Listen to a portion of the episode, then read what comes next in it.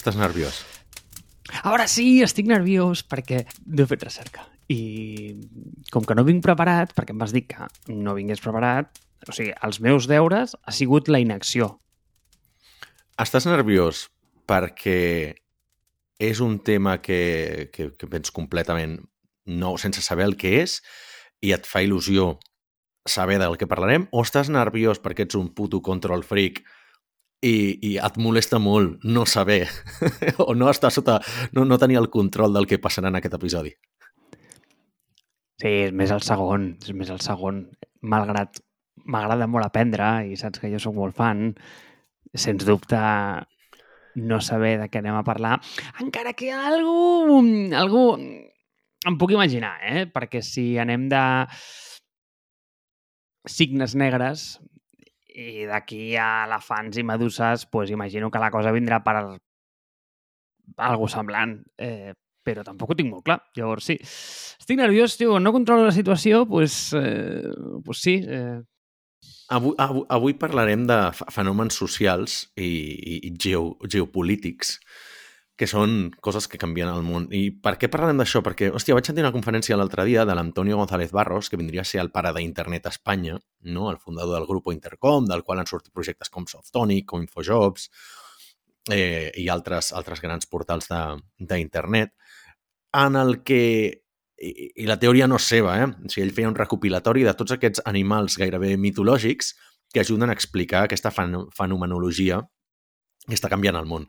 I per què és tan rellevant? Perquè és que cada cop estan passant més esdeveniments de gran escala d'impacte mundial que sembla ser que són difícils de predir, però que et canvien, la, et canvien el planeta, no?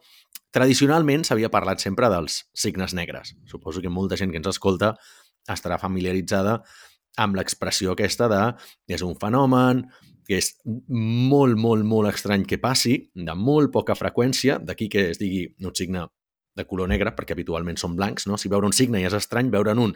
O sigui, blanc és estrany, veure un negre és una cosa com, ostres, és completament inesperada, no?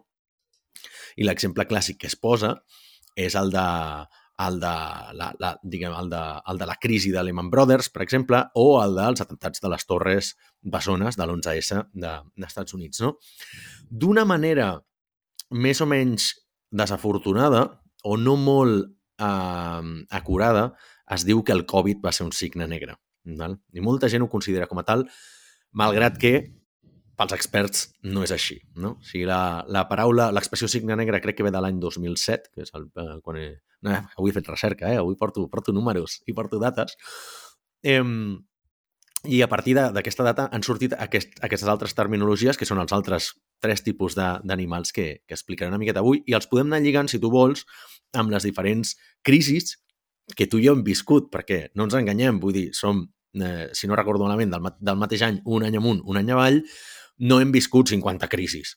Però aquesta gent que parla de tot això doncs va viure a les .com treballant, va viure als anys 90, va viure a la Guerra Freda, va viure no sé què, o sigui que han viscut moltes més coses i tenen molta més perspectiva històrica. No?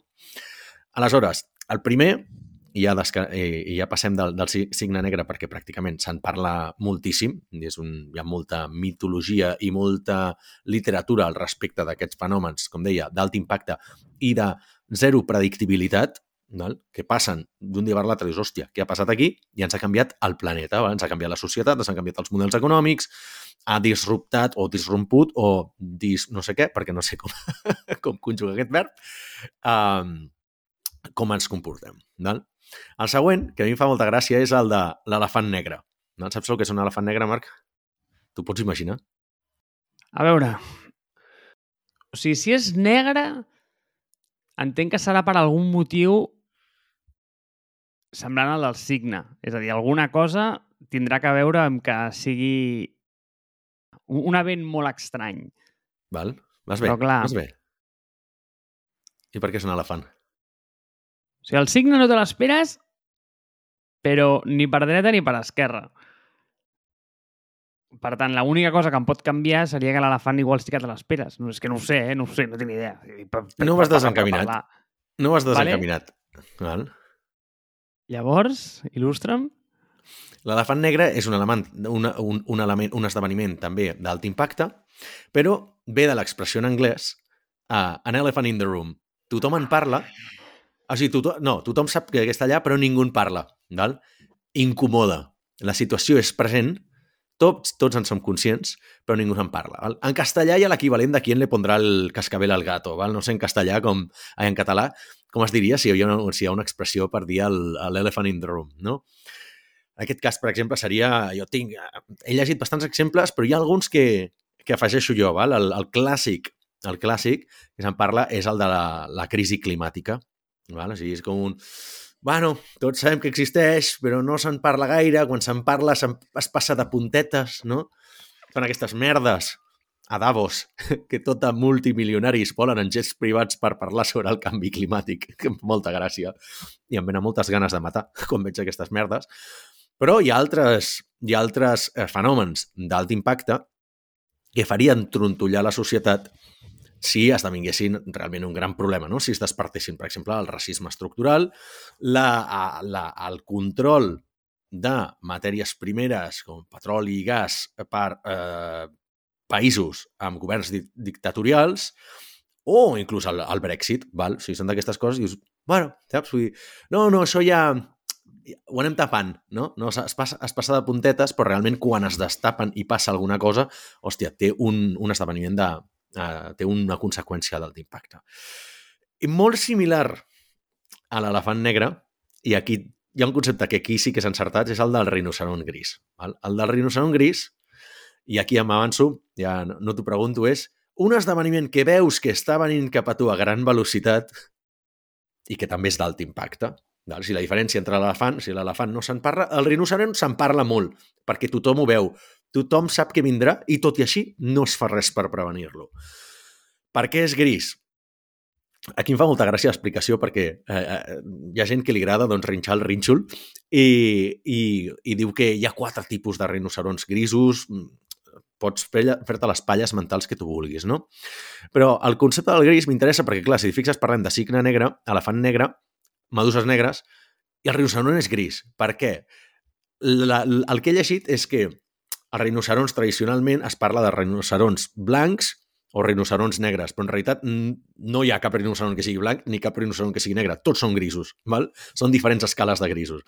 Per tant, aquell que es parla que són de certes coses que, que poden ser d'una variabilitat mm, més o menys diferent, o sigui que el seu impacte pot ser més o menys diferent, és alt, però que tenen naturaleses força diverses, però totes són com, bueno, difícils de conjugar, difícils de descriure, difícils de classificar. Però el que és, el que és graciós, el que causa gràcia és ve cap a tu a gran velocitat, t'embestirà i tot i així no fa res per prevenir-ho.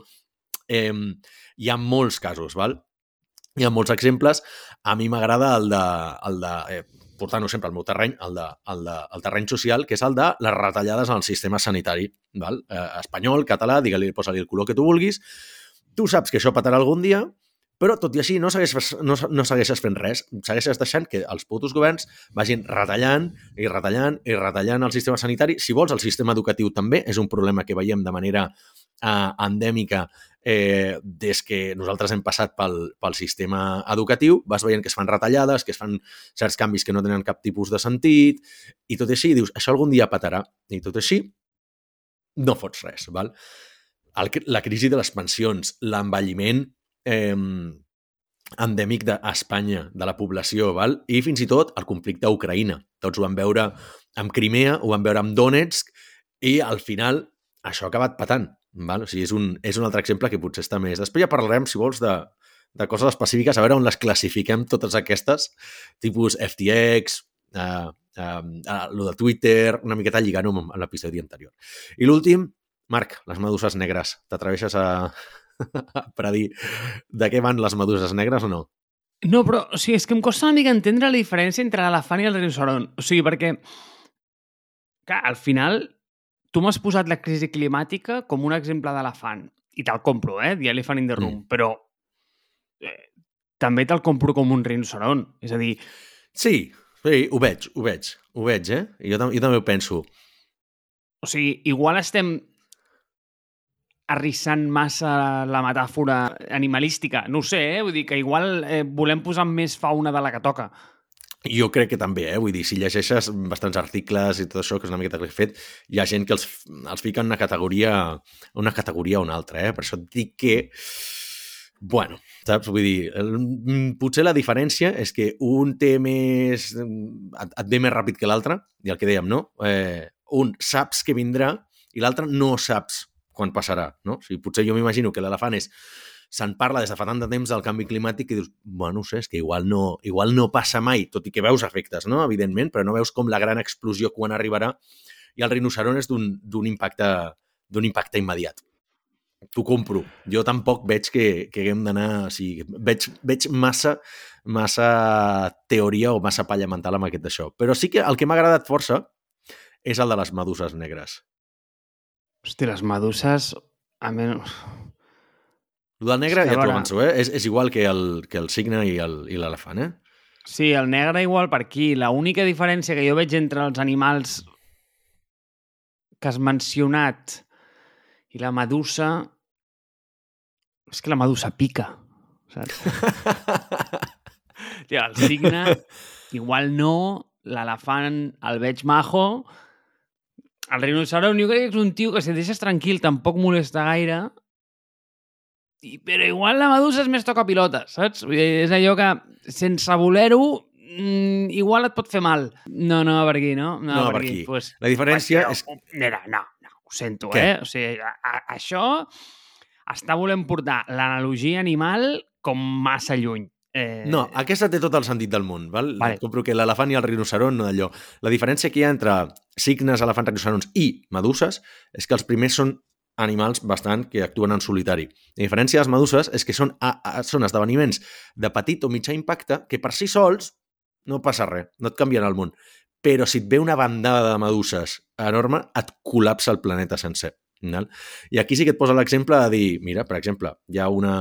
Tu imagina que coincideix que Xina bloqueja totes les exportacions perquè diuen, hòstia, hi ha un rebrot de Covid o el que sigui, tanquem exportacions. Fantàstic un tio s'empana i de cop i volta et bloqueja un, un, el, el, el, el vaixell cargo aquest enmig del canal de Suez durant unes setmanes.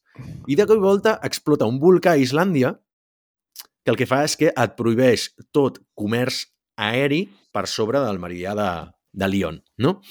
Uh, del paral·lel, perdó. Aleshores, clar, què passa? Que aquestes coses, per si aïllades, sí que et suposen un cacau, però que són fenòmens independents que posats en una mateixa bossa en un mateix moment, te la lien parda, val? i et bloquegen tot el comerç logístic, tota la, totes les operacions d'importació-exportació a nivell mundial i crea un pitote al·lucinant, no? Aleshores, aquest és el concepte de les meduses negres. I, i, i aquest m'agrada molt perquè crec que a l'últim episodi que vam parlar de la tempesta perfecta, no? El que, el que dèiem que, hòstia, la tempesta perfecta de Twitter, doncs de cop i volta donant veu a l'extrema dreta. Es presenta Trump. Tornem a tenir certs personatges amb una certa rellevància, com si Joe Rogan, Alex Jones, etc etc. aquesta gent que se'ls torna a donar bola.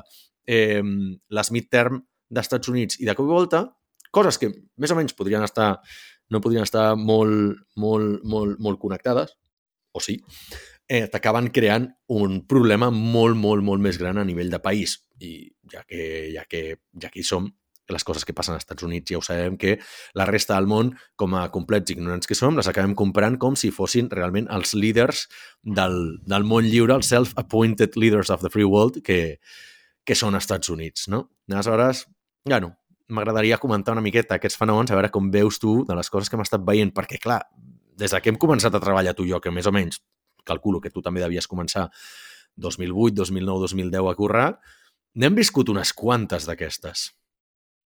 Vinga, va.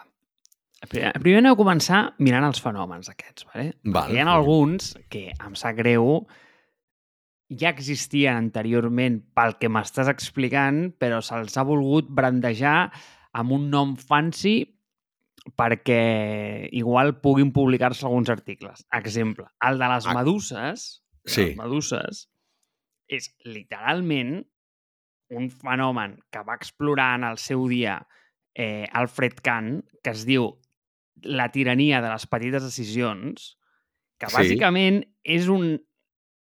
Bàsicament és un exemple de llibre de, de la tragèdia dels comuns, que no, no, no sé si ets molt familiar amb la tragèdia dels comuns, però a, a, bàsicament el que va passar aquí és que en uns terrenys de, de Gran Bretanya la gent posava a pastar els seus animals i llavors, com per, pel fet de que un animal pastés anant allà, no passava res. Però el fet de que tothom ho posés degradava l'ambient a un nivell que ho feia pitjor per tothom, no? I per això es diu tragèdia dels comuns. E, és una situació on les petites accions acaben desenvolupant un problema molt gran per la resta. I llavors, la tirania de les petites decisions en concret, vale? eh, concretament, és un, és un exemple o una representació d'aquesta tirania dels comuns on es representa com una falla de mercat, però, però amb la gran diferència de que aquí diferents decisions individuals porten com a una mm, conseqüència acumulativa molt desastrosa. Vale? Per tant, les meduses tirania de les petites decisions descoberta com fot 60 anys. Però vale, la comprem, ens agrada més la medusa. La gent normal es queda més amb el rotllet, estic d'acord. Però també hi ha una cosa. De fet, l'exemple de les meduses no és casual perquè es veu que el van treure d'un fenomen que va passar amb, una, amb un reactor nuclear a Suècia que el seu, em sembla que són els canals de refrigeració que agafaven aigua, es van col·lapsar per, una, per un exèrcit, és que no sé com es diu, un grup de meduses que va, que va entrar pels canals de refrigeració i va bloquejar un reactor nuclear, no? I va deixar sense energia no sé quina part de Suècia durant, durant uns dies. Aleshores, per això que dius, una, una medusa no hauria fet res, però 100 meduses se't colen per aquell canal i te l'alien partes. El que, el que en broma diuen, home, un hàmster no et farà mal, però tu imagina que t'ataquen 10.000 hàmsters, et poden menjar viu, saps? al final totes les petites coses sumades, per improbable que sigui, et poden acabar, et poden acabar, et poden acabar destrossant, no? Però mm. mm el, és el que deia, per exemple, bueno, de, deies que te, crec que t'he tallat. No, eh, anava a tornar al teu punt, perquè m'has fet una pregunta que no t'he contestat. Que la pregunta era, des de que portem treballant, des dels 2008, 2010, s'han accelerat molt les coses. I jo no sé si t'ho he explicat alguna vegada, jo crec que sí, aquí ho, ho he mencionat algun cop. No sé, aquest concepte de, de Tim Urban, que és aquest paio que fa aquest blog que es diu Wait But Why, té aquest concepte que és sí, molt bo. Sí, no? És un mític, és un mític. I el temps que necessites per portar algú del passat cap al futur perquè li dongui un atac de cor.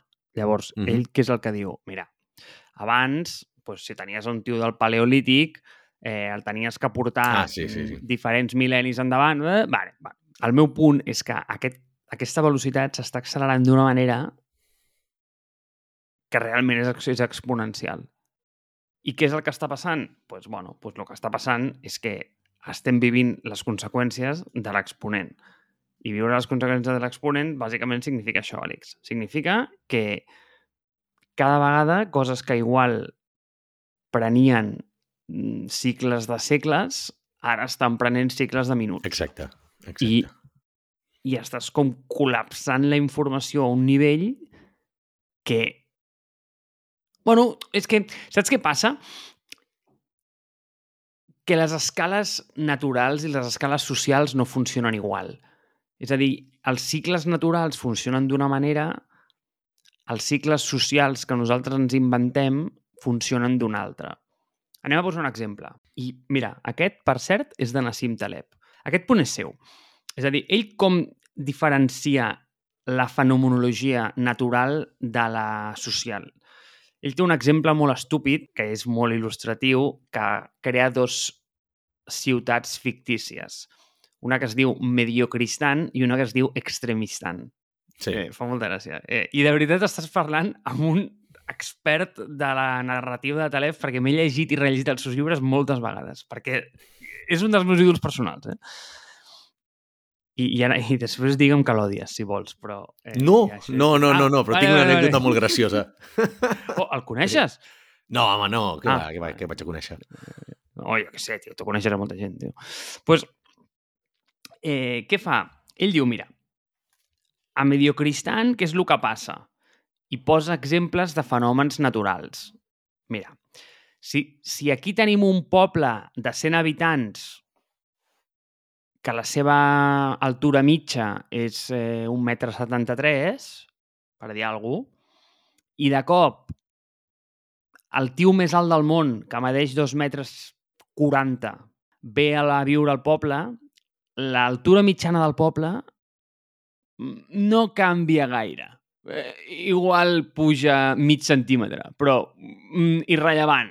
En canvi, si en aquest mateix poble, que anem a dir que el seu ingrés, la renda per càpita mitjana està en els 32.000 euros, vale? és un poble que li va molt bé, resulta que hi va viure Bill Gates, per dir alguna cosa, eh? Per dir alguna cosa, per dir alguna cosa. El, el poble passa a ser milionari. El poble, exacte, és acollonant, no? Vull dir, és brutal. O sigui, se'n va pels núvols. Llavors, això és un fenomen social, l'altre és un fenomen natural. Ell, i mira, i, i, i n'explica 34.000 d'anècdotes d'aquestes, no? I en posa moltes, no? Però, per exemple, si tu durant una setmana et menges 20.000 mm, calories al dia, no farà molta diferència al llarg de l'any. Això no augmentarà la teva massa eh, corporal eh, d'una manera extrema. És a dir, igual t'engreixes mig quilo, eh, però no fa diferència amb l'arc de, de, de, de temps que pot passar durant un any. Saps el que et vull dir? És a dir, en un any no, no, no, no acabarà fent molta diferència perquè la ingesta calòrica que pots fer durant una setmana és limitada eh, comparada sí. amb el que ingereixes en un any. Fica mil exemples d'aquests. Però crec que cada vegada nosaltres, a nivell de societat, estem posant més rellevància en aquests fenòmens socials i els hi estem donant molt més protagonisme i visibilitat i estem començant a tirar la societat pel pedregal aquest. És a dir, de, eh, s'estan imposant aquest tipus de fenomenologia en els events inclús naturals. I això és el que penso que eh, tio, ens està enviant a la merda com a societat. Però, o sigui, eh, bàsicament ens autoextingirem nosaltres. O sigui, eh, nosaltres... Sí, nosaltres ens Bé, enviarem a la merda nosaltres. Faltava. Això està no, clar. Però, Sí, no, està clar, a mi l'apocalipsi em flipa, però, però si tu veus la paradoxa de Fermi, a mi em flipa, em flipa. Però, sí, però, sí, jo, Let's jo no make sé, it happen. Sí, a veure, jo, jo no sóc un nihilista ni vull que tot se'n vagi la merda, però o sigui, em fa gràcia mirar la societat des de, des de fora amb uns ulls una mica neutres i pensar és que som imbècils, és que ens, és que ens, és que ens matarem. O sigui, és que Exacte. això no va enlloc. Eh, però si tu, per exemple, et mires la paradoxa de Fermi i, i mires els diferents casos que hi han en els quals això se'n pot anar a la merda, o sigui, jo per mi és claríssim. O sigui, és que és claríssim. O sigui, tota societat arriba a un punt en què genera un event que bàsicament l'envia la, la, o sigui, prendre, a prendre pel cul. O sigui, per, per, per mi és claríssim. Va bé l'assistència de Taleb perquè justament va ser ell el que va predir una miqueta... Bueno, va ser, van ser ell, ell i Bill Gates el 2015 van parlar de, de la propera pandèmia. Val? Per tant, quan es fa servir el, la terminologia signe negra per descriure el Covid és incorrecta, perquè tothom sabia què passaria. Cada X anys hi ha una pandèmia eh, que, que afecta i canvia la societat. No? Fa 100 anys, curiosament, més o menys les dates van ser les mateixes, no? l'Spanish eh, influenza, no? la, la, la grip grip espanyola? és que no sé si realment es tradueix així, no? Aquella gran epidèmia de, de grip que va haver-hi entre els anys 1920 i 1922 i que, curiosament, després van desembocar amb els Crazy Twenties, no? Um, per tant, ja es parlava d'això i, de fet, curiós, la meva anècdota és que l'any 2020, l'estiu del 2020, um, jo estava a Grècia i em vaig llegir Homo Deus, val? La segona, el llibre, la segona part de, de Sapiens, no? I clar, per la meva sorpresa, el llibre comença explicant, com fil per randa, el 2015, eh, un llibre publicat el 2015, el Covid. Val? Diu, imagina't que en un mercat de Xina, per, perquè allà tenen diferents maneres i uns estàndards de qualitat, uns controls molt més laxes i, i el que sigui, sorgeix un virus que pel que sigui, en una societat hiperdensa com és la Xina, amb moltíssim, amb moltíssim eh, trànsit de mercaderies, eh, moltíssim trànsit de persones, aquest virus s'acaba expandint ràpidament, no? ciutats molt denses, hiperconnectades, eh, molt, molt, molt tracte físic, eh, molt poc espai per respirar, ciutats també bastant molt contaminades, per tant, poca qualitat de l'aire.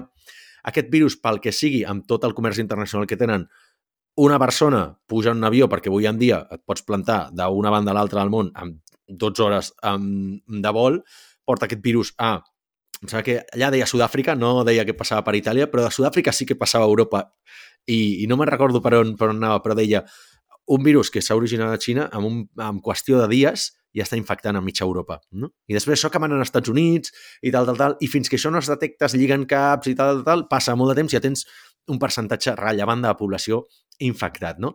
Et parlava de la pandèmia, com es transmetia el tema de, doncs, dels, de les encaixades de mans en, en la societat, eh, en societats més occidentals, et parla de, inclús a Europa, on és més tradicional que la gent es faci més, més petons i més abraçades que en altres cultures, eh, quins són, quines són les ciutats, els hubs més interconnectats, doncs el que dèiem, no?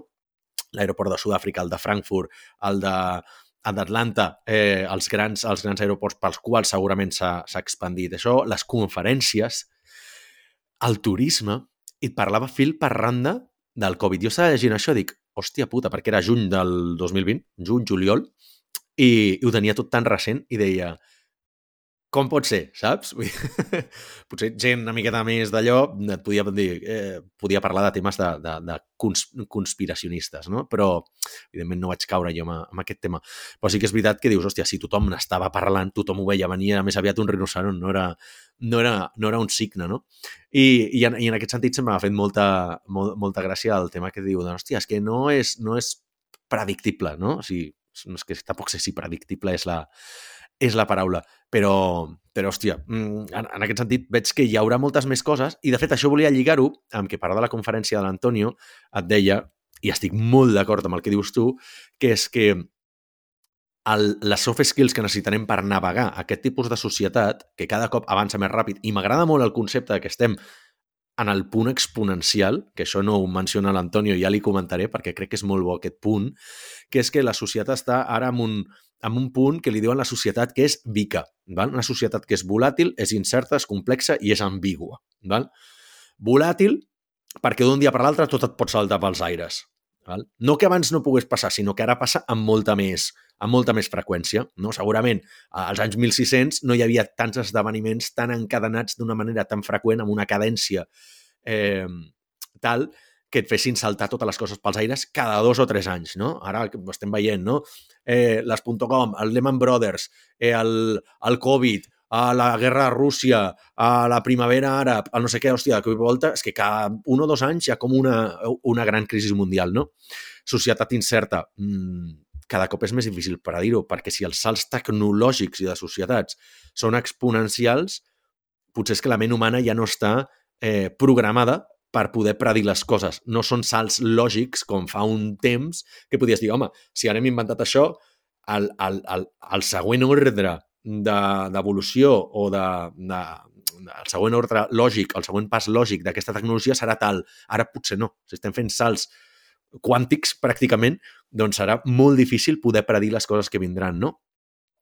També és una societat complexa. El que dèiem, abans potser només tenies en compte el que passava a la teva regió, a la teva àrea, a la teva ciutat, potser en el teu país, però no havies de tenir en compte tota aquesta interconnectivitat que el que et feia és que, hòstia, a l'efecte papa, papallona, no? que probablement una crisi, doncs, la crisi del volcà d'Islàndia, potser fa que passi alguna cosa a, a, a Austràlia, no? Tot, està tan interconnectat tot que a la vegada peta tot. El que diem, com quan es cau el, el cloud, no? el tema de la descentralització d'internet que sempre parlem, hòstia, de cop i volta peta un servidor a Amazon i es cau tot internet. Per què? Perquè està tot massa connectat i és massa interdependent. Aleshores, a la que peta una gran cosa, acaba tenint una afectació brutal. I el punt que a mi em molesta molt, com a control freak, i això també ho tinc en, ho tinc en comú amb tu, és el tema de l'ambigüitat. Val? És molt difícil poder discernir què és bo, què és dolent, què és ràpid, què és lent, eh, què necessitem, què no, què és crític, què és superflu, què és opcional en aquesta societat, val? perquè el que dèiem, tot és, totes aquestes coses que he dit abans fan que sigui in, increïblement di, eh, difícil predir el futur perquè ja no estem allò de dir, hòstia, és que ara eh, això és una política d'esquerres, és de dreta, és progressista, és liberal, és conservadora. Mm, des de quin angle, saps? Vull dir, hòstia, l'esquerra superfragmentada eh, el tema aquest, hosti, l'esquerra que es, es, es, es fustiga si l'esquerra woke, si no és woke, col·lectius minoritaris lluitant entre ells... Hòstia, fa que sigui increïblement difícil predir el futur. I a mi em va generar una mica d'angoixa sentir aquesta conferència, val? perquè vaig dir que, hòstia, no sé si, si estem preparats per viure a aquesta velocitat de canvi i, I no sé si això ens obligarà a pensar ja només en el curt plaç i no poder fer plans en el, a, a llarg plaç, tio, perquè és que no sé si sóc capaç de fer plans a 10 anys vista si sé que en aquests 10 anys hi haurà una guerra mundial, una altra pandèmia, dos crisis financeres, una crisi migratòria eh, i alguna gran crisi política, saps? Vull dir, hòstia, no ho sé, eh? Jo no sé com afrontes tu els propers 10 anys, però és que jo no tinc l'esma per, per dir vaig a un plan a, de, a, no a 10, a 5 anys tampoc. Em costa ja pensar l'any que ve. És que mira, l'altre dia vas dir una cosa que em va agradar molt, que és que estem en aquest període de que és... Com es diu? The newsest o, o the newsiest o alguna així, no? Newsiest, no? Això. O sigui, em va semblar un concepte encertadíssim. També, i ho has tocat ara, és com ens han venut aquesta connexió que dona seguretat, però en realitat no hi ha res més lluny de la realitat. És a dir, el fet de que tot estigui connectat i tu has donat amb la paraula, eh? no genera estabilitat, sinó que crea interdependència. És a dir, no ho fa resilient. L'altre dia em feia molta gràcia perquè veia a la televisió que han posat noves paraules al diccionari català i una d'elles és la paraula resiliència. I no existia, com es deia abans. No ho sé, sortia com una de les paraules que l'Institut d'Estudis Catalans havia posat al seu diccionari o algo així. I... No pot ser, jo la vaig estudiar, tio, quan estudies els materials de tecnologia, estudies la resiliència. Jo també. És una altra cosa, tio. I, I em fa ràbia, perquè eh, per mi és un concepte preciós, no? Vull dir, la capacitat d'un material d'absorbir energia sense deformar-se de manera permanent. Em semblava preciós. I llavors, eh, me'n recordo que a materials hi havia aquella, aquella curva que al principi era recta, que la, la pendent d'aquella recta és que, tio, encara me'n recordo. No puc entendre sí. com me'n recordo d'això. Després hi havia el punt de trencament, no? El mòdul de Young era la, ah, la pendent de la curva. Sí, sí, sí, sí, el mòdul de Young era la pendent Maleït, de la curva Ricky. i llavors hi havia un punt en el que es trencava eh, i llavors eh, generava com aquella corba Sí, exacte, sí. Àlex. Joder, que fric eres, cabron. pues, mira... tinc memòria visual, però no tinc memòria pels noms. mira, eh? Espera un segon, ja veuràs que ho, ho busco com així, però, en temps però no real... pot ser que la paraula no existia. La paraula existia. Jo crec que deu ser com a paraula més usada, més cercada, més, no sé, paraula de moda de l'any, però no sé. Atenció, eh? Vinga. La Val. secció filològica de l'Institut... la secció... Fi... No sé llegir, Àlex. La secció Filològica de l'Institut d'Estudis Catalans ha presentat aquest dilluns 21 noves paraules i 640 modificacions al Diccionari de la Llengua Catalana. Vale? Val. Uh -huh. Curiós, eh? Atenció a alguns dels, dels exemples. Ara ja no estic llegint. Ara sí, ara torno a llegir. Acotxador, metabolitzar, negacionisme i resilient. Sí. Resilient és la paraula que no tenien. Mm, hòstia, m'estranya que no, no existís metabolitzant i resilient. A veure, hi ha algunes paraules que són neologismes que ha adoptat la societat, no? Doncs si gènere fa 400 anys no existia, saps? I fa 100 anys tampoc, se'n parla avui en dia sí. Eh, transidentitat tampoc, són fenòmens culturals i de societat que per, per força de l'ús i de l'adopció que en fa la societat, diuen, hòstia, el, el, el, el, el, el, com es diu, l'Institut d'Estudis Catalans l'ha d'acabar adoptant, igual que en el seu moment vam adoptar la paraula ordinador portàtil o telèfon mòbil, saps? Vull dir, hi ha altres fenòmens culturals. Però no, és que no em crec que resilient no existís quan tenies la paraula resi resiliència. Les paraules derivades sempre han d'existir. Eh, no, hi ha coses que són mm, derivades, et diré, eh, algunes de la llista que són derivades dialectals, perquè arredoní em sona molt a la versió lleidatana d'arrodoní, però bueno, saps? O desorde, saps? Que té pinta que és desordre, però sense una R. Vull dir, que algunes coses que són, poden venir de, variants dialectals que, bueno, vulguis que no s'han agafat, i això, els llenguatges evolucionen que evolucionen. Però si li treus les que són evidents, que són neologismes que la societat necessita, doncs el que dèiem, no? Sí, sí, gènere, feminicidi, eh, altres que n'hi ha, perquè negacionisme, no ho sé, saps? Vull dir, trans i transidentitat, que són com alguna de les paraules aquestes. No em crec, mira, si hi ha la paraula ésser, collons, Marc, em diràs que la paraula ésser no existia en català, saps?